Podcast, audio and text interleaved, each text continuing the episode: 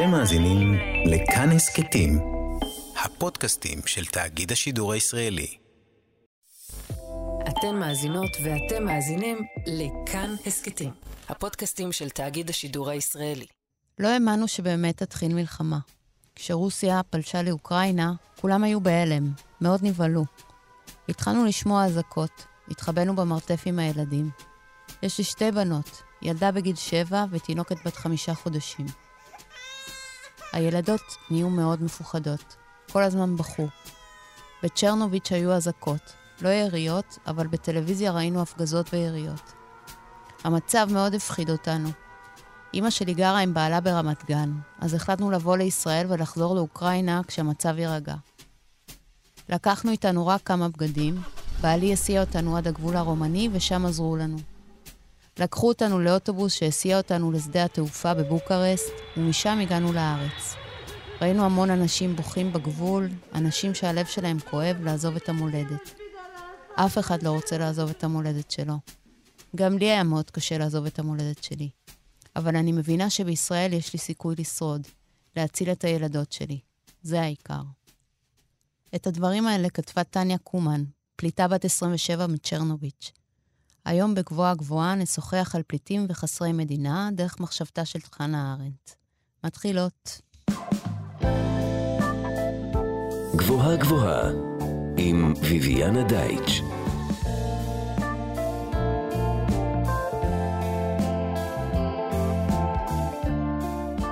היי, אני ביביאנה דייט, שאנחנו על גבוהה גבוהה, תוכנית בה מדי שבוע ניקח פיסת מציאות אקטואלית ונפרק לה את הצורה הפילוסופית. היום נקדיש את התוכנית למושג פליטים. באוקראינה, אבל לא רק. נחשוב על מצבם הקיומי, הפוליטי והמשפטי, דרך מחשבתה של חנה ארנדט. הוגה פוליטית ופליטה בעצמה, שהסתייגה מהכינוי פילוסופית, אך בהחלט כתבה ככזו. איתי באולפן פרופסור איתמר מן, מרצה בפקולטה למשפטים באוניברסיטת חיפה. שלום איתמר. שלום. מי הוא וגם מהו פליט על פי ארנדט? אז אני אגיד שההגדרה של פליט באופן כללי היא משתנה, וארנדט כותבת על הדבר הזה בצורה הכי שיטתית בספר הראשון הגדול שלה למעשה, יסודות הטוטליטריות. כן. ושם בפרק אחד היא מפתחת את הרעיון של הפליטות, בפרט בתקופה שבין שתי מלחמות העולם. Mm-hmm. והיא משתמשת... שבאמת הפליטות, זה קורה. זה קורה, זה קורה עם העלייה. של הבולשיביזם ברוסיה, זה קורה עם ההתפרקות של האימפריה העות'מאנית, ועם הכינון של מדינות לאום באירופה. אה, היא מדברת על גלים על גלים של פליטים שפתאום מופיעים על אדמת אירופה ולא יודעים איפה המקום שלהם בתוך העולם הפוליטי. ובשבילה בתקופה של יסודות הטוטליטריות, המושג פליט הוא למעשה נרדף mm-hmm. למושג אחר שאנחנו משתמשים בו גם היום, אבל בהקשרים קצת שונים, של חסר מדינה. הרעיון הבסיסי הוא שזו אישה או איש שהקשר של הנאמנות, אפשר לקרוא לו, בין, בינה לבין הקהילה הפוליטית שלה, בינו לבין המדינה שלו, הוא ניתק, והם חסרי הגנה ומסתובבים בעולם בלי שייכות פוליטית ובלי הגנה פוליטית.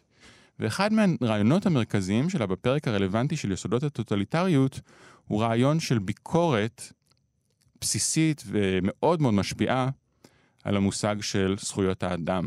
כי זכויות האדם בתקופה הזו הן נחשבות למורשת של המהפכה הצרפתית, שהבטיחה זכויות לאדם ולאזרח. והיא מתעכבת על ה... כאילו, אה, אפילו זה כאילו קודם.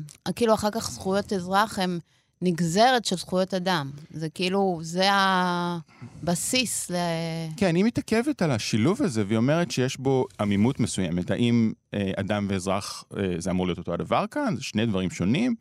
בכל אופן, בעיניה, האדם נכשל כקטגוריה של הגנה אה, בסיסית, והרעיון של האנושיות הוא לא okay. אוקיי. קיים כקטגוריה של הגנה בסיסית. הפליטים הוטלו כ... כדברים בעצם, הם הפכו להיות, הם עברו אובייקטיפיקציה מוחלטת, הם הפכו לדברים שמוטלים ו... ונבעטים על אדמת אירופה, בגלל שאין להם הגנה אחרת חוץ מההגנה שניתנת לאדם באשר הוא אדם, שהיא, כך חושבת ארנט, הבטחה ריקה, הבטחה שאין לה תוכן. ו... ובהקשר הזה, היא מתחילה לפתח רעיונות שהפכו להיות מאוד מאוד מרכזיים בפילוסופיה שלה בהמשך, right to have rights, היא כותבת, הזכות להיות בעל, בעל זכויות או בעלת זכויות, והעובדה שהגנה פוליטית היא ניתנת אך ורק בתוך הקשר של קהילה פוליטית, שבו אנחנו מופיעות ומופיעים כריבוי של אנשים שנותנים אחד לשני ביחד באמצעות הבטחה את ההגנות הבסיסיות שלנו, באמצעות החלטה פוליטית, באמצעות מעשה, ולא באמצעות איזושהי הבטחה אלוהית או טבעית, כמו שהקטגוריה של הגנה אנושית אולי מציעה. מה שאתה אומר, שזכויות האדם, שכאילו עליהם נשען שיח שלם, ברגע שמתחילות, גם יש uh, מדינות לאום באירופה, וגם מלחמות, שאנשים נאלצים לעזוב את הבית, ונוצר מצב שאנשים נשארים בלי לאום, כמו שהקראנו בפתיח, בלי המולדת. ברגע שזה קורה, שאין את ההגנה המשפטית והאזרחית, כלומר, להיות חלק מהקהילה, אני נשאר בעצם, אני כבר לא אדם. אני רק אה, אתעכב רגע על ההתנסחות שלך בנקודה אחת. בטח. ואני אגיד שהמושגים לאום ומולדת הם מושגים שלדעתי ארנט מאוד מסתייגת מהם. אוקיי. היא רוצה שייכות פוליטית שמבוססת על, על שוויון אזרחות. פוליטי ועל אזרחות, ובהקשר הזה הרבה פעמים מתייחסים אליה כמעין, כמישהי ששייכת למסורת שנקראת בפילוסופיה פוליטית המסורת הרפובליקנית. אני אשמח מלהבין קצת אה, באיזה תקופה בהיסטוריה היא כותבת, כי זה מאוד גם קשור להגות שלה, ומתוך איזה מסורת פילוסופית היא כותבת. בטח. אה, חנה ארנדט, אחת הפילוסופיות הפוליטיות החשובות במאה ה-20, אה, נולדה בגרמניה, קרוב להנובר, ב-1906. אה, היא נולדה למשפחה יהודית, אבל חילונית מאוד. היא סיפרה בכתבים מאוחרים יותר שלה שאת הביטוי יהודייה היא שמעה בפעם הראשונה בקריאות אנטישמיות. היא התחילה מללמוד כלומר, פילוסופיה... ככה היא הבינה על עצמה בדיוק, את יהדותה. בדיוק. זה, זה היה דרך מין כינוי גנאי אה, שהפך אותה באמת לפחות חלק בקהילה הפוליטית. הדבר הזה כמובן הפך להיות מאוד דרמטי בהמשך בחיים שלה. אבל לפני כן היא התחילה, היא הייתה תלמידה מצטיינת, היא התחילה את לימודיה אה, בפילוסופיה ובתיאולוגיה באוניברסיטת מרבורג. שם היא פגשה מורה שמאוד מאוד השפיע עליה, פילוסוף מאוד מאוד חשוב של המאה ה-20 גם הוא, מרטין היידגר. נוצרו ביניהם גם יחסים רומנטיים. וברבות הימים הוא הפך להיות אה, חלק אה, חשוב בתעמולה הנאצית. כן. והדבר הזה מאוד אכזב אותה, והכעיס אותה, והיא כתבה על זה לא פעם. היא עברה לעשות את הדוקטורט אצל קרל יספרס בהיידלברג, ומשם עברה לברלין. אז היידיגר ויספרס הם אה, פנומנולוגיה ואקזיסטנציאליזם, אפשר בדיוק, להגיד? בדיוק, פנומנולוגיה ואקזיסטנציאליזם, וזו באמת, המס... באמת המסורת הפילוסופית שממנה היא מתפתחת. בשלבים מוקדמים היא גם מאוד מאוד הושפעה מפילוסופיה היוונית, זה ליווה אותה במשך חייה. אריסטו, נכון? גם, מאוד חזק. וסוקרטס בעיקר, היא מאוד מאוד הריצה את סוקרטס אוקיי. כסוג של אה, דוגמה ומופת לחיים פוליטיים. היא כתבה את הדוקטורט שלה על אהבה אצל אוגוסטינוס. וואלה. כן. אבל לאחר מכן, כשהמפלגה הנאצית התחזקה, היא חיה בברלין, הפילוסופיה שלה עברה אה, פוליטיזציה באופן הדרגתי. כלומר, היא הפכה להיות כותבת שהיא יותר ויותר פוליטית. בהחלט, אבל אנחנו עדיין לא מגיעים לשלב המכריע של הכתיבה שלה בשלב הזה. היא, היא כותבת והיא מתחילה להיות גם פעילה ציונית בשלב הזה, במידה מסוימת, אבל אז היא נאלצת לברוח, בהתחלה לג'נבה, ואז לצרפת. מלחמה.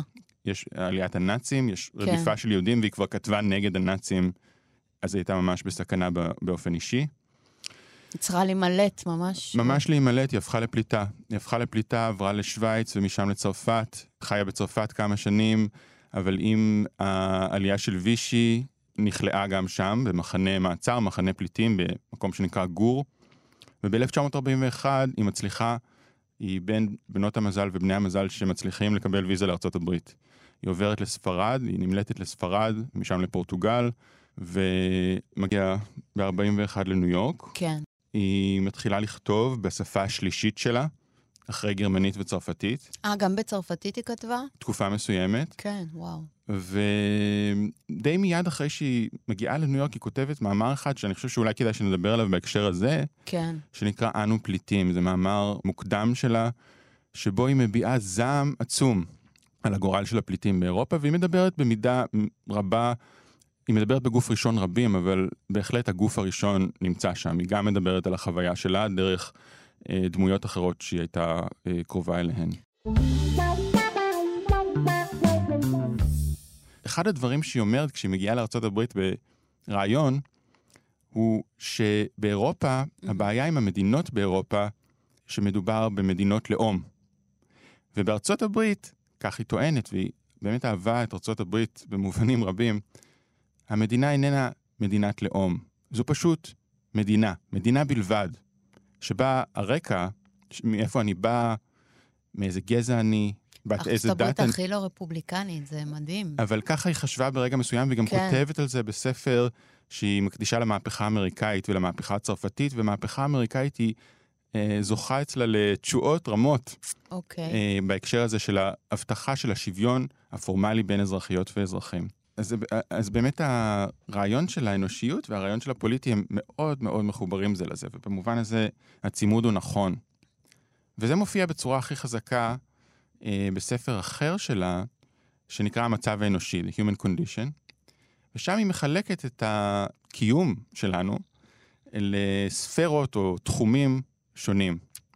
אחד התחומים, או אולי התחום החשוב ביותר של הקיום שלנו אצל ארנט, הוא התחום של החיים הפוליטיים, החיים במשותף, ויטה אקטיבה, התחום של הפעולה, שבה אנחנו אה, פועלות ופועלים ביחד בתוך הקהילה הפוליטית וממציאים את עצמנו באמצעות המחשבה, באמצעות השיתוף הקולקטיבי מחדש. Mm-hmm. זה בעצם, כאן מתמצה האנושיות. Mm-hmm. אל מול היידגר, למשל, שחשב שהאנושיות מתמצה בהוויה לקראת המוות, בסופיות שלנו, הוא כותב על זמניות וסופיות. ארנט מדברת על, ה, אפשר מה שנקרא, אפשר לקרוא לו בעברית, הלידתיות, natality שלנו, העובדה שכולנו יצירה. נולדות ונולדים, כן. ואנחנו יכולים ליצור דבר מה מכלום. אנחנו יכולים ליצור את הדבר החדש, וזה מה שאנחנו עושים בוויטה אקטיבה, בקיום הפוליטי המשותף שלנו. וזה אפשרי רק בתחום קהילתי. זה אפשרי במשותף, זה אפשרי זה... בתוך קהילה, וזו שאלה די קשה, אני חושב, האם הקהילה עבור ארנט היא גם המדינה. כי כמו שאמרתי לה, יש לה הסתייגויות רציניות מאוד על סוגים מסוימים של מדינות, אבל היא כותבת הרבה על קומיוניטי, על קהילה, היא כותבת הרבה על חיים במשותף, ואני חושב שזה נכון לחשוב גם על המדינה במסגרת הרעיון הזה של אזרחות רפובליקנית כאיזשהו אה, נשא, איזשהו אמצעי למימוש של קיום כזה אה, במשותף. מקודם הזכרת שהיא הייתה באיזשהו שלב אה, חברה במפלגה הציונית, אבל כל מה שאנחנו אומרים פה הוא באמת אה, יכול להיות ביקורת קשה מאוד על הציונות, אה, שאני מניחה שהיא... זה נכון. אה... אז ארנט הייתה, אה, הצטרפה בשוויץ לעליית הנוער, וגם בצרפת היא עדיין הייתה פעילה בניסיונות, זה אגב קשור למצב הנוכחי שלנו, אני חושב, להביא יהודים אה, לפלסטינה המנדטורית, על מנת להציל אותם מפני הנאציזם והרדיפה ברחבי אירופה. אבל עם הקמתה של מדינת ישראל, ממש כמעט מיד עם הקמתה של מדינת ישראל, ארנט התאכזבה קשות ממדינת ישראל. מהאתניות כן, שמבססת. היא, היא, היא, היא, היא לא אהבה בכלל את הרעיון שהיום אנחנו קוראים לו מדינה יהודית. כן. אה, בגלל הצירוף של הדת או האתניות והלאומיות וה... כן. בתוך טריטוריה. היא התאכזבה קשות וכעסה שאחרי מלחמת אה, השחרור, מלחמת 48', לא נתנו לפליטים הפלסטינים, הערבים הפלסטינים שהיו כאן לחזור, והיא כותבת על זה כבר ממש מיד אחרי המלחמה ב-51. ויותר מאוחר, היא גם מאוד לא אהבה את האופן שבו המשפט של אייכמן שילב mm-hmm. אלמנטים של צדק, משפט פלילי ולאומיות יהודית, והפך בעצם מבחינתה במובנ... במובנים רבים למשפט ראווה, שבו בן גוריון זכה להציג לעולם את הלאומיות היהודית הישראלית החדשה. והיא כתבה בצורה ביקורתית על הדבר הזה. במקום? במקום מה... uh, בית משפט בינלאומי, שישפוט על פי עקרונות של צדק, עקרונות uh, אוניברסליים ולא עקרונות לאומיים, או לכל הפחות במקום בית משפט ישראלי, היא בסוף קיבלה את זה, שזה יכול להיות גם בית משפט ישראלי, אבל שלא יהפוך את הקורבנות של השואה לישראלים בפוטנציה אפילו לפני שמדינת ישראל קמה. זאת כן, הייתה טעות כן. אה, ואנכרוניזם ואיזשהו גיוס של ההשמדה ההמונית של יהודים בשואה לטובת פרויקט לאומי, והיא מאוד מאוד לא אהבה את הדבר הזה. צריך להגיד שגם בגלל הדברים האלו, גם הכתיבה שלה על הפליטים הערבים הפלסטינים מ-48, אבל יותר מזה, הכתיבה שלה על משפט אייכמן היא הפכה להיות דמות מאוד שנויה במחלוקת. וגם. הקבלה של הכתיבה הפילוסופית שלה כאן בישראל לקחה המון שנים, בין היתר בגלל הסיבות האלו, אה, שחברים בקהילה היהודית, אנשים שהיו מזוהים יותר עם הציונות, גרשום שולם ואחרים, וגם מרטין בובר במידה מסוימת, הסתייגו מאוד מהדברים האלה שהיא כתבה גם בעיקר בעקבות uh, משפט אייכמן, אבל מבחינתה זה מרכזי לתיאוריה שלה ולתפיסה הפוליטית שלה, של הפוליטי כתחום שהוא באיזשהו אופן ניטרלי. זה קטע, זה, זה נשמע לי מלא סתירות. כי גם, אה, לא באמת, כי גם, אה, כאילו, היא, היא מאוד מעורבבת, הרפובליקניות שלה מאוד מאוד מעורבבת במחשבה ליברלית, מאוד מאוד מאוד, אז, אז מעניין. אז, אז אני רוצה להגיד שני, שני דברים קצרים על הדבר הזה. אז קודם כל, באמת, הכתיבה של ארנט על ארה"ב זכתה לביקורת די קשה בשלבים מסוימים, אה, של אידיאליזציה של ארה"ב, ובפרט בהקשר, בהקשר של המאבק של השחורים בארצות הברית, היו לה כמה מאמרים שיצאו מאוד מאוד צורמניים, גם על המהפכה של הסטודנטים בשנות ה-60 המאוחרות, וגם על הרעיון של האינטגרציה בבתי הספר. כי מה? אז, אז uh, במהפכה של הסטודנטים בשנות ה-60 המאוחרות היא ניסתה להמשיג את הרעיון של אי ציות אזרחי, ובדרך היא um, ביקרה את האלימות המסוימת שכבר התחילה להופיע, בצורות שהתפרשו כאליטיסטיות ומנותקות מהמציאות היומיומית שבה אנשים שחורים חיו בארצות הברית. ובהקשר של um, אינטגרציה בבתי ספר, היה פסק דין מאוד מפורסם בשם Brown vs. Board of Education, שקבע שצריך לאפשר ואפילו אה, לאכוף אינטגרציה של שחורים בתוך בתי ספר שהיו בעיקר של לבנים בתקופה הזו, כדי לערבב בין התלמידות והתלמידים. והיא כתבה מאמר נגד הדבר הזה.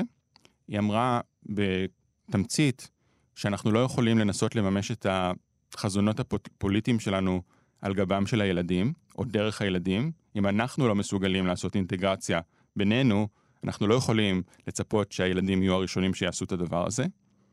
אבל המאמר הזה גם כן נתפס כ...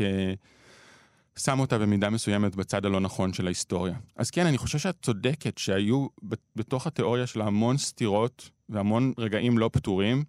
כן. אבל זה גם מה שהופך אותה לכל כך מעניינת, לפחות בעיניי. את אומרת, הרפובליקניזם שלה הוא מלא סתירות, והיא, ואת משתמשת במילה ליברלית, וזה נכון שהיא נתפסת במובנים מסוימים. לא, כי גם זה, אני חושבת על המילה קהילה פוליטית. כן. ואם אה, יש משמעות שם להיסטוריה, ולמשהו משותף כזה שנובע גם תרבותית, וכאילו להתעלם מזה, להגיד, זה לא מה שאני מתכוונת, כן. זה חושב... מאוד ליברלי לחשוב ככה. כן. כאילו אינדיבידואליסטי כזה מצד שני. נכון, אני חושב שכל הדברים האלה נכונים.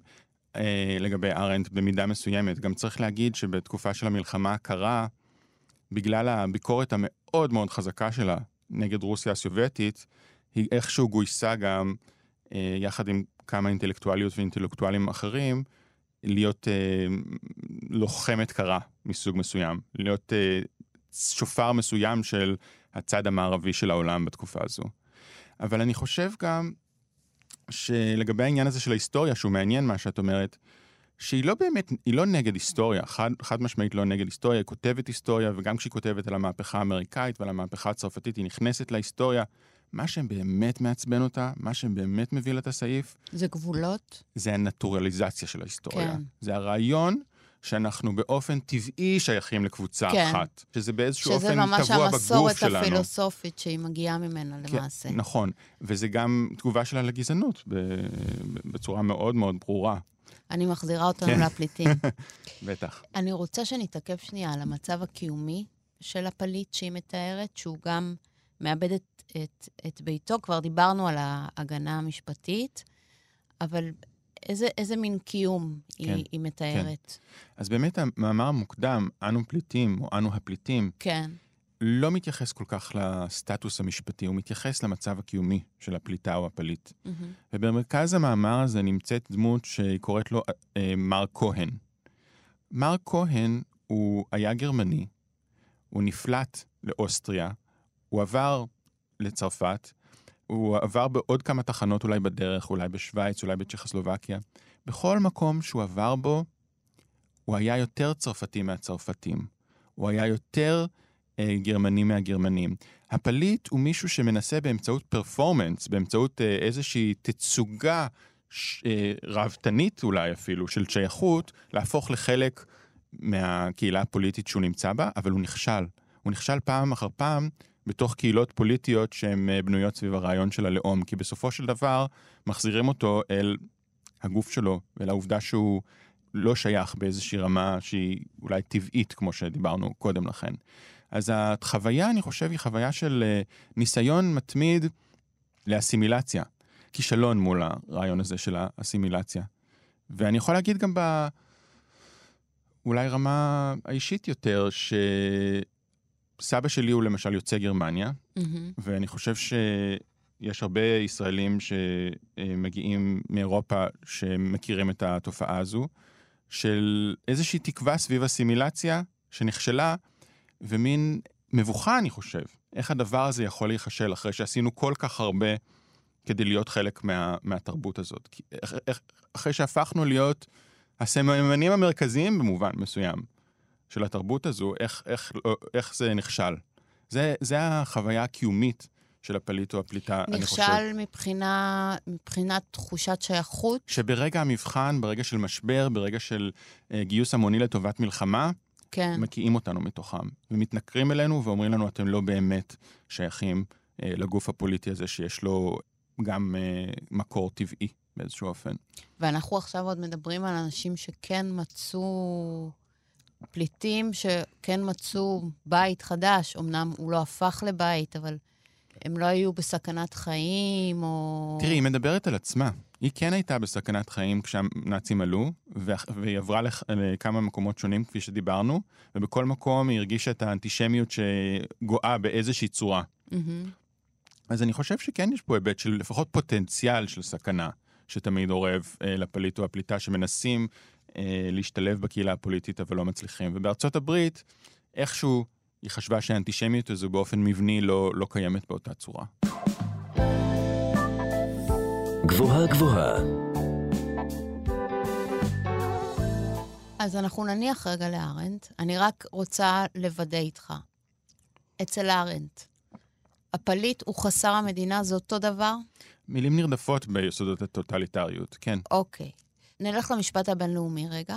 מתי הפליטות הופכת למושג שם? אז אמרנו שהתקופה שארנד כותב עליה ביסודות הטוטליטריות היא התקופה שבין שתי מלחמות העולם. מהמם. וכאן היא לא מתייחסת לקבוצה של כלים משפטיים שמתפתחים בדיוק באותו הזמן, כדי לתת הגנה אה, לפליטים. אז זה מתחיל בשנות ה-20, 1926, שאז אה, לראשונה ניתנת הגנה לפליטים רוסים ופליטים ארמנים, ואחר כך לעוד כמה קבוצות שמופיעות אחרי ההתפ- ההתפרקות של האימפריה העות'מאנית. הגנה קולקטיבית לאנשים לפי המקום שמהם הם הגיעו ולפי עוצמת הסכנה שלה הם חשופים. ניתנה להם תעודה שנקראת דרכון ננסן, ננסן פספורט, על שם מגלה הארצות והאיש אה, מוביל ההומניטריזם פרידג'וף ננסן, וזו בעצם תעודת מסע, סוג של תעודת מסע שמאפשרת להם לחיות ולנוע ברחבי אירופה. אחר כך בשנות ה-30... לחיות לנוע עדיין, אבל בלי שייכות. נכון, בדיוק מהמם. ככה. מהמם. אחר כך בשנות ה-30, והרגע המכריע אני חושב היה ב-38, מתחילה הגדרה אינדיבידואלית של אה, פליטים לפי עוצמת הסכנה וסוג הסכנה שהם חווים, וב-1951, אחרי מלחמת העולם השנייה כבר, מופיעה אמנת הפליטים, שהיא מכשיר שהוחל עד ימינו, אה, שמגדירה את הפליט או הפליטה כמי שסובל מפחד מבוסס היטב, מרדיפה על רקע גזע, דת, לאום, חברות בקבוצה חברתית מסוימת, או דעה פוליטית. אין פה את המילה מלחמה. אין פה את המילה מלחמה, בדיוק ככה. המלחמה היא משהו שיוצר עקירה המונית, והיומרה או השאיפה של אמנת הפליטים היא לבטא את הרדיפה האישית של אדם מסוים שמבקש הגנה. הדמיון הפוליטי שעומד ברקע לאמנת הפליטים, כן. זה כמובן לא יפתיע, הוא באמת מלחמת העולם השנייה. זה מתחיל מ- מהמילים גזע, דת, לאום, ויש פה באמת אה, חזרה לרדיפה של היהודים. ישראל גם הייתה מרכזית במידה מסוימת בניסוח של האמנה. ויש גם ברקע את המלחמה הקרה שמתחילה איכשהו להתבשל ולהתפתח, וכאן הקטגוריה המשמעותית ביותר היא, היא, כן, הגנה לאנשים שנרדפים על רקע דעה פוליטית. כן. בגלל שמאחורי מסך הברזל יש אנשים שנרדפים על רקע דעה פוליטית, ולמדינות המערב, שהן חותמות, בעצם יוזמות וחותמות על האמנה הזו, חשוב מאוד לגנות את הדבר הזה כבר. חשוב מאוד אה, גם כמכשיר של הגנה וגם כמכשיר של תעמולה, לגנות מה שקורה מאחורי מסך הברזל. אז, אז, אז אני רוצה להגיד, העיקרון המרכזי באמנת הפליטים של 51 הוא עיקרון אי-החזרה. יכול להיות ששמענו את זה בדיונים ברמת המדיניות בישראל היום. אסור להחזיר פליט או פליטה למקום שבו הם יחוו את הפחד, את הרדיפה על רקע אחד מהבסיסים הללו. וזה מאוד מאוד שונה מהרעיון של להיות חסר מדינה שארנט דיברה עליו. אמרנו, ארנט אומרת שלהיות חסר מדינה זה להיות מי שנותק הקשר בינו לבין המדינה שלו, קשר הנאמנות, קשר ההגנה, והוא לבד בעולם, לבד כחפץ שמוטל ונבעט ממקום למקום. לעומת זאת, ההגנה שנותנת אמנת הפליטים היא הגנה אישית, שניתנת למי שמבקש אותה, אחרי הליך בירוקרטי, שבמהלכו מבורר האומנם יש עילה כזו של רדיפה במקום שממנו הוא הגיע, או היא הגיעה, ואחרי זה מקבלים הגנה יחסית uh, חזקה. האמנה בהתחלה מוכלת רק במדינות אירופה, והרבה מבקרים מאוחר יותר כותבים על כמה שהיא בעצם אירופוצנטרית, באופן. שבו היא תופסת פליטים. וחשוב מאוד, מה שאמרת, שאין כאן את המילה מלחמה, קטגוריות שלמות נוצרות למעשה בלי מענה. אז, אז מלחמה זה הדבר הראשון שעולה לנו לראש, גם בהקשר של אוקראינה, גם בהקשר אולי של סוריה שהיה לפניו, ובהרבה הקשרים במהלך ההיסטוריה. אבל כמובן, כשאני מלמד... זה באמת מוזר, כן. ממש ברמת המוזר. אני ש... חושב שזה, שזה נכון, כי התפיסה הפופולרית שלנו, היומיומית של איך אנחנו רואים פליטים, הדבר הראשון שאנחנו חושבים עליו, נכון. זה מלחמה. אנשים שנמלטים אנשים שלוקחים את המזוודות בגלל שנופלות פצצות והם רצים. כן. כאילו, זה, זה מה שאנחנו חושבים, וה, והתפיסה המשפטית היא באמת מאוד שונה מהדבר הזה. למה זה? אני חושב שמבחינה אידיאולוגית, יש איזשהו רצון אחרי מלחמת העולם השנייה, ליצור אחידות, ליצור הגדרה אוניברסלית, ליצור משהו שהוא על קריטריונים ברורים של שלטון החוק. כשנותנים הגנה לקבוצות שסובלות ממלחמה, אז נותנים פה, נותנים שם, בצורה אד-הוקית. ומצד אחר, גם אי אפשר להגן על כל מי שבורח ממלחמה. אז אומרים, זה מה שאנחנו יכולים לתת בתור קריטריונים קבועים ולא מפלים. שיינתנו לכל מי שמבקש באופן שווה. יש באמנה הרלוונטית הזו, אמנת הפליטים, גם איסור על אפליה. זאת אומרת שלא משנה אם אני בא מאוקראינה, או מסוריה, או ממקום אחר, אני יכול ליהנות מההגנה הזו על פי הקריטריונים הקבועים. זה, זה הרעיון הבסיסי.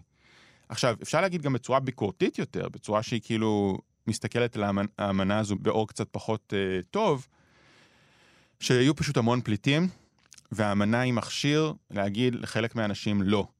באמצעות זה שאומרים לחלק קטן מהאנשים כן, אפשר גם להגיד, אנחנו עשינו את שלנו, כן. ו- והיתר יכולים לחזור ל- לאיפשהו, אבל זה לא אחריות שלנו יותר.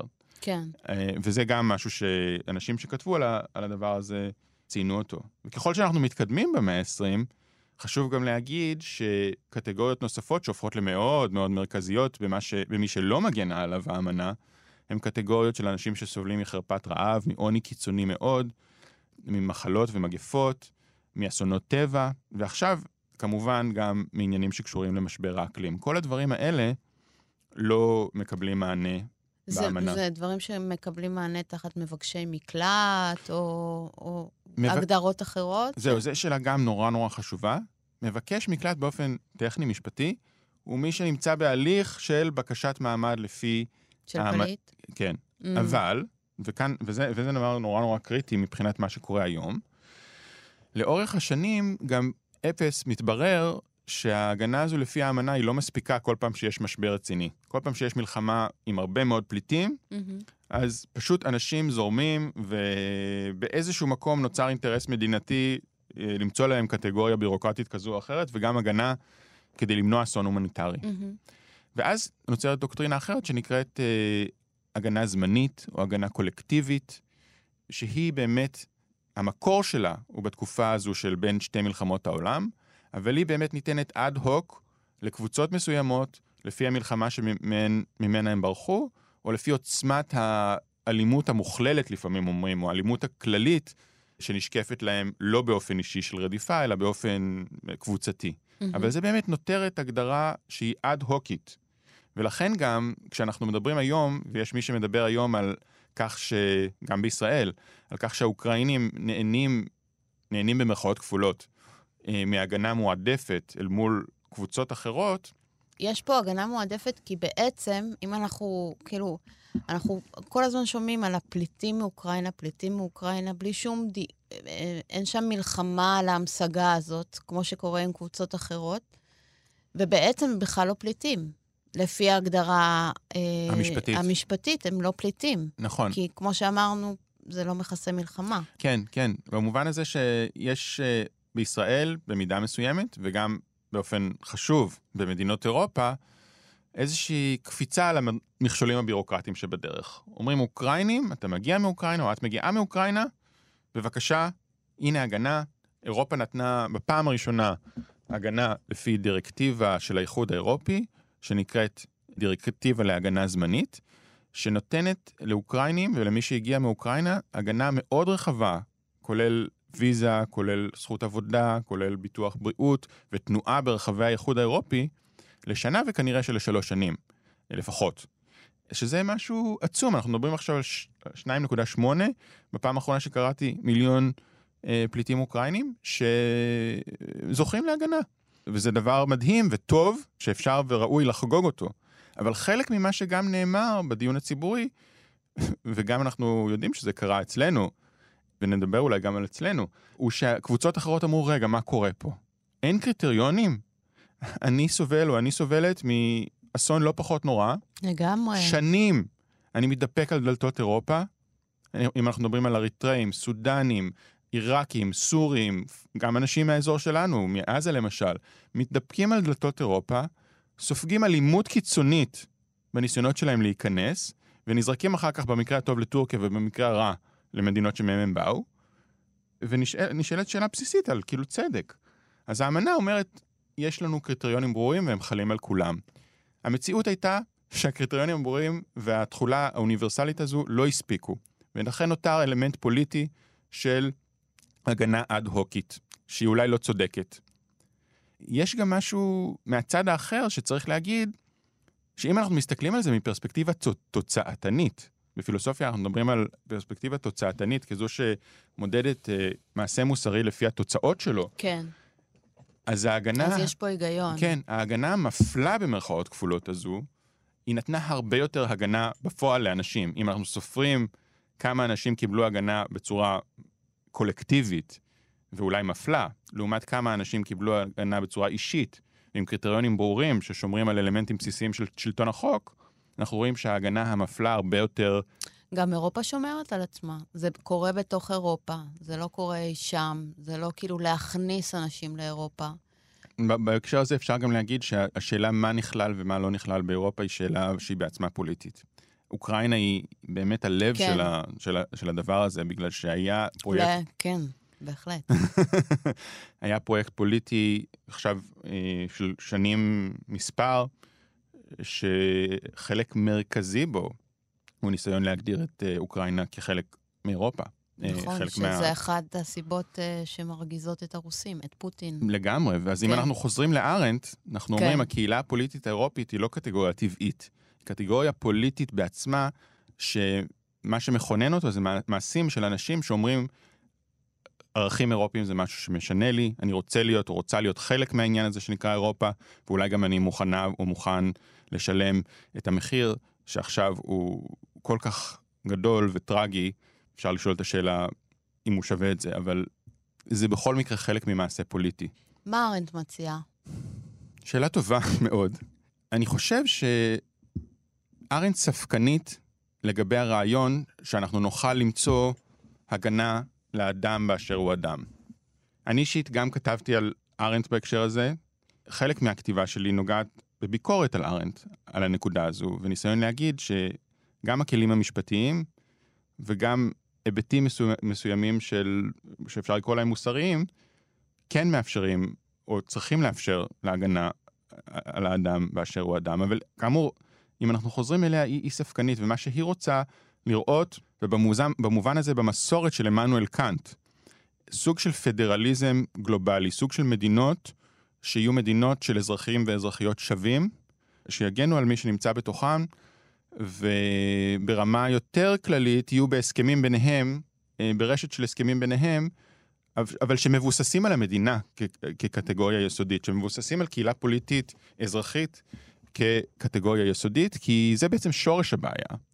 זה בעצם העניין שגורם לכל הגלים האלה של פליטים שאנחנו רואים אותם. ההתקבצויות שהן אה, מבוססות זהות, כאילו, זה, זה מה שגורם ל... כשאתה נפלט מזה, ו- והיא מציעה משהו שהוא לא, הוא מבוסס... אה, פשוט אזרחות. כן, פשוט, אזרחות, אה... אזרחות, אזרחות. ארנט למשל, אני חוזר למשהו שדיברנו עליו קצת קודם. ביסודות הטוטליטריות יש לה הערה לגבי הרעיון שגלי פליטים צריכים להוביל לכינון של מדינות חדשות לפליטים האלה. שזה אולי מש, נשמע כמו מה שאני אומר, שצריך, אבל לא, היא, היא מאוד מאוד נגד הדבר הזה.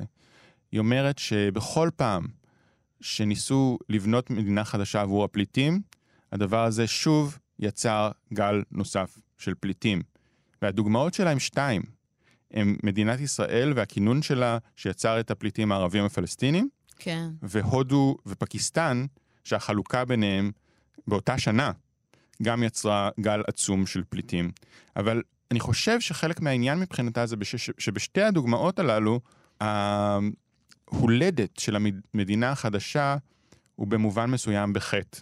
הוא בחטא כי הוא מגיע מאינטרסים של אימפריאליזם ושל המנדטים, והוא בחטא כי הוא גם, בסופו של דבר, בעיקר אצלנו, כן משלב בין האלמנט של הלאום, גזע, דת והמדינה, ולכן מזמין את ההישנות של התופעה הזו, שהיא כל כך הייתה נוראית בעיניה. ומה אתה מציע בהקשר של ארנד? אני חושב שכשמסתכלים על התקופות שארנד כותבת עליהן, mm-hmm.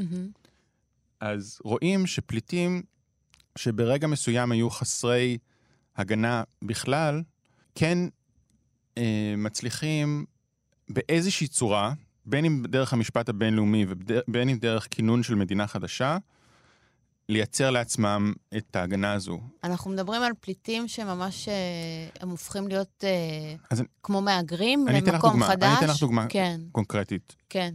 אז ספר הדוקטורט שלי הוא עוסק בפליטים, והוא עוסק בחנה ארנדט בין היתר. כן. קוראים לו, אה, אני חושב שבעברית הייתי קורא לו אה, האנושות בים, קוראים לו Humanity at Sea. אוקיי. והוא עוסק בכמה אפיזודות שבהם היו הרבה מהגרים ופליטים שניסו לקבל הגנה באמצעות אה, בריחה בנתיבים ימיים. Mm-hmm. מאמצע המאה ה-20 ועד ימינו. Mm-hmm. והאפיזודה הראשונה שהוא עוסק בה זה האפיזודה של ההעפלה. מאירופה אה, לפלסטינה המנדטורית. Mm-hmm. ומה שאני מנסה להראות שם, זה שהמעפילים וגם האנשים של המחתרות שיזמו במידה מסוימת את ההבאה שלהם לכאן, השתמשו בד בבד בשיח לאומי של בניית מדינה חדשה, mm-hmm.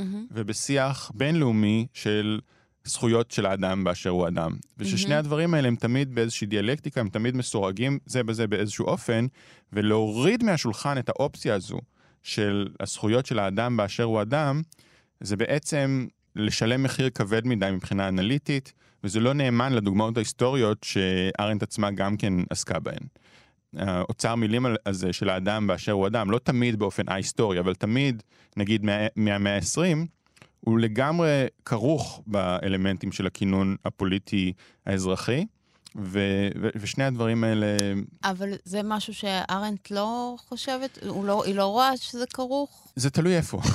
כמו שאמרנו, היא, היא מאוד סתירתית, היא, יש בה כל מיני אלמנטים. ויש כן. טקסטים שבהם זה נראה שזה כן, כן. ויש uh, טקסטים שבהם זה נראה שכל סוג של ניסיון לטעון בשם האנושות כשלעצמה הוא בזוי, הוא שפל, הוא סוג של הולכת שולל uh, של, של מי שקורא אותו.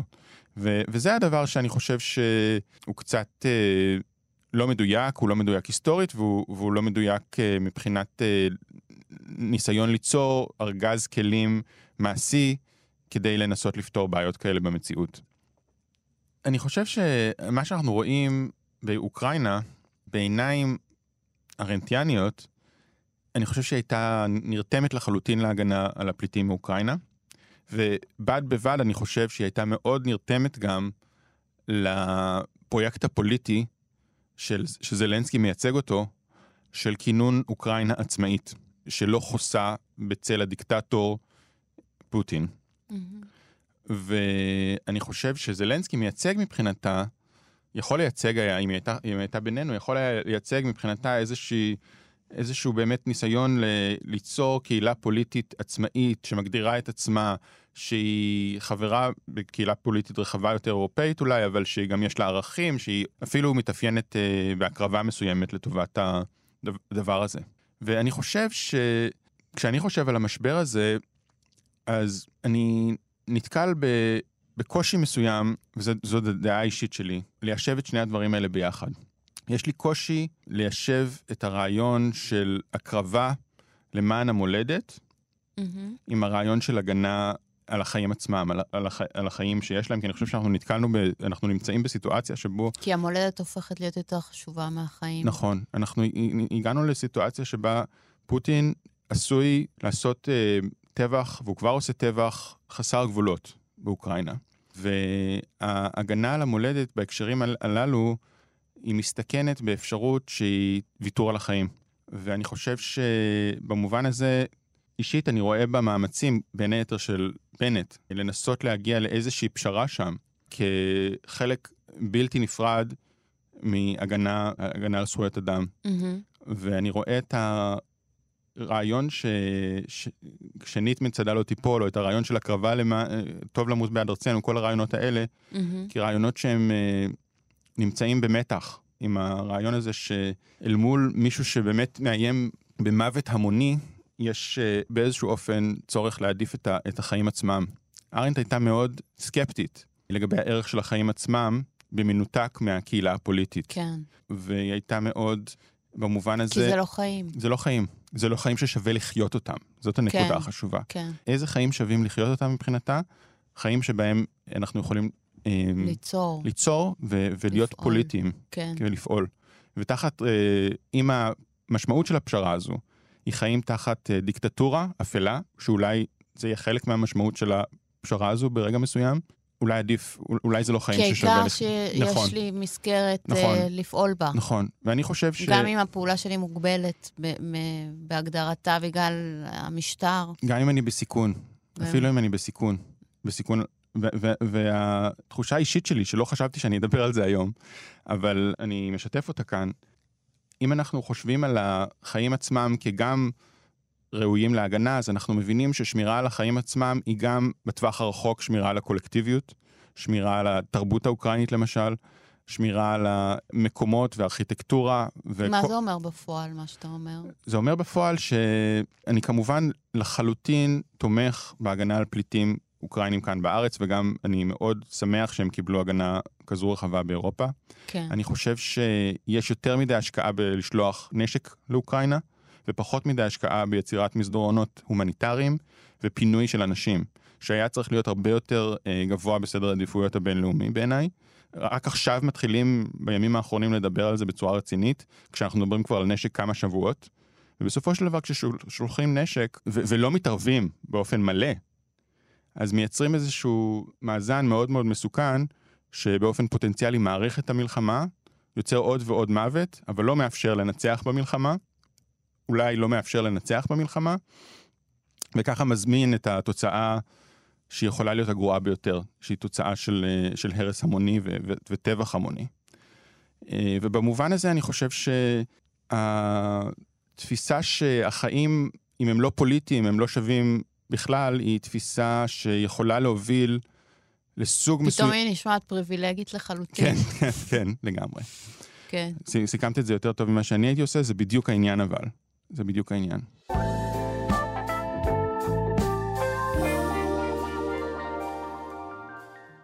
אז ישראל עומדת ל- לקלוט 2,500, אם אני לא טועה. זה, אה, זה המספר שאני יודע כן. עליו, כן. שחלקם כבר חיים כאן, מהמם. וחלקם אה, יגיעו. ויש גם את הקטגוריה הזאת, או בעיקר, יש אה, פליטים יהודים שזכאים לפי חוק השבות להגיע לכאן. בואו נדבר רגע על הקטגוריה הזו, יהודי לא יהודי, ביחס לפליטים שאנחנו קולטים כאן אה, כן, כן. בישראל. כן. גם ביחס לארנט, אגב. נכון, זה נורא חשוב לארנט. מעניין לראות שמדינת ישראל, בעצם משנות ה-50-60, אומרת שהיא מדינה שקולטת הכי הרבה פליטים בעולם. אבל, ביחס לאוכלוסייה שלה. נכון, חשוב, חשוב. אבל היא לא עושה את זה דרך הנתיב של אמנת הפליטים, או אפילו בכלל, היא לא מכירה באנשים פורמלית כפליטים, היא הופכת אותם לאזרחים. אלה יהודים שבאים לארץ כעולים והופכים לאזרחים, ומדינת ישראל במסמכים שלה לאו"ם בז'נבה, אומרת, אני קולטת את כל האנשים האלה כפליטים. ואני משתתפת ונושאת הרבה יותר ממה שאני... כי היא מראה שזה עונה על הקטגוריות האלה שדיברנו לא- עליהן, של גזע לא בהכרח, ואתני. היא לא בהכרח אומר- אומרת לפי? הקטגוריה, במסמכים הרלוונטיים של, שיצא לי לקרוא אותם במחקר, היא לא ממש אומרת אה, שזה מתאים לקטגוריות, אבל היא אומרת שברור שמהותית הם אנשים שסבלו מרדיפה באירופה. ו- ובעיקר באירופה, ואחר כך יש גם פרויקט של אה, הגדרה של המהגרים, פליטים, עולים ממדינות המזרח התיכון כפליטים. לפעמים אה, בצדק, לפעמים אחרי שהם סובלים מאלימות קשה במצרים, בגדד, אה, סוריה ומקומות אחרים במזרח התיכון ומגיעים אה, למדינת ישראל. אז אגב, גם אתיופיה, לא? נכון, אתיופיה אחר כך, מאוחר יותר, אבל כן. בשלב הזה, כן. אז, אז בכל מקרה מה שאנחנו רואים כאן, שיש אה, שילוב מלא של הרעיון של אזרח ו, ופליט. איזשהו סוג של דבר שהוא ממש ממש כרוך אחד בשני, כאשר בדרך כלל במשפט הבינלאומי התפיסה היא הפוכה. שאזרחות זה, זה הגנה של חברות בקהילה פוליטית, וכשאני מגן על פליטים, או מגנה על פליטים, אז אני פותח את הקהילה הפוליטית לאחר. אך אנחנו לא בדיוק חושבים על זה בהכרח כפתיחת הפיל- הקהילה הפוליטית לאחר. אנחנו רואים את ההגנה הפליטי, על פליטים במדינת ישראל הרבה פעמים, לטוב ולרע, כהגנה על אזרחים ואזרחיות בפוטנציה. הם יהודים, ובגלל שהם יהודים, הם יכולים לה- להשתלב באופן מלא, והם כבר חלק מאיתנו באיזשהו אופן, עוד לפני שנתנו להם את ההגנה הזאת. זה כאילו, אם, אם היינו מוציאים מפה את לשון יהודים, זה חלומה של ארנט, לא? ל- כאילו, ש... אבל לגבי העולם חו- כולו. אני חושב שיש משהו במה שאת אומרת. כן, למה, למה, למה יש משהו במה שאת אומרת? אני אנסה, לה, אני אנסה להסביר איך אני מבין את כן. הרעיון הזה. שבאמת ההגנה על פליטים היא לא איזה משהו הומניטרי שניתן לאדם באשר הוא אדם, הוא משהו שניתן מתוך זהות פוליטית עמוקה נכון. עם הרעיון הזה. ו, ובמובן הזה הוא, הוא, הוא מעשה פוליטי. הוא לא מעשה הומניטרי, הוא מעשה, להגן על פליטים זה מעשה פוליטי. אבל ארנט, אני חושב, הייתה מרגישה, אני, אני בטוח שהייתה מרגישה נוחות. מאוד מאוד לא בטח. בנוח עם הרעיון שהפוליטי כאן מוגדר על פי בסיס דתי, או על בסיס כן. גז... כמו גזעי. כן. ואני חושב שזה מה שגם נמצא ברקע לדיון שלנו עכשיו במדינת ישראל על הדבר הזה, וזה קשור גם לאלמנט התוצאתני שדיברתי עליו קודם. אפילו אם אני, אישית, איתמר, הייתי מעדיף שאנחנו לא נגדיר אנשים את השייכות שלהם לפי הדת שלהם. מהמם. אני גם רואה שמבחינה פרקטית פוליטית במדינת ישראל כרגע, זה מציל חיי אדם. זה מציל חיי אדם. זה עוזר ו- ומשפיע, וזה נותן הרבה יותר אפשרות לאנשים להיכנס ולחיות, מאשר עמידה על עיקרון אי האפליה בהקשר הזה. כן, כן, כן, כן. ואני חושב שכאן כאן אנחנו באמת אה, גם רואים את אותו, אותו המתח בדיוק. מעניין. תודה רבה לך, פרופסור איתמר מן. אני מאוד מאוד נהניתי מהשיחה הזו, למרות שהייתה קשה בחלקים ממנה. כן, זו תקופה סוערת. אני מאוד שמחה, אבל שהתייחסנו לזה כאן בתוכנית פעם ראשונה. שיחה מעניינת ומאוד מאוד רלוונטית באמת. בזאת סיימנו את העונה הנוכחית של גבוהה גבוהה. אנחנו יוצאות להפסקה קצרה ונשוב אחרי פסח. אני ביביאנה דייטש, תודה רבה לטכנאי השידור שלנו כאן באולפן, רועי קנטן. את כל הפרקים של גבוהה גבוהה אפשר לשמוע ביישומון או באתר של כאן, או בכל אפליקציה שבה אתן נוהגות ונוהגים להאזין להסכתים. אני מקווה שנהניתם והחכמתן. תודה רבה, ואנחנו נמשיך להשתמע בעונה הבאה.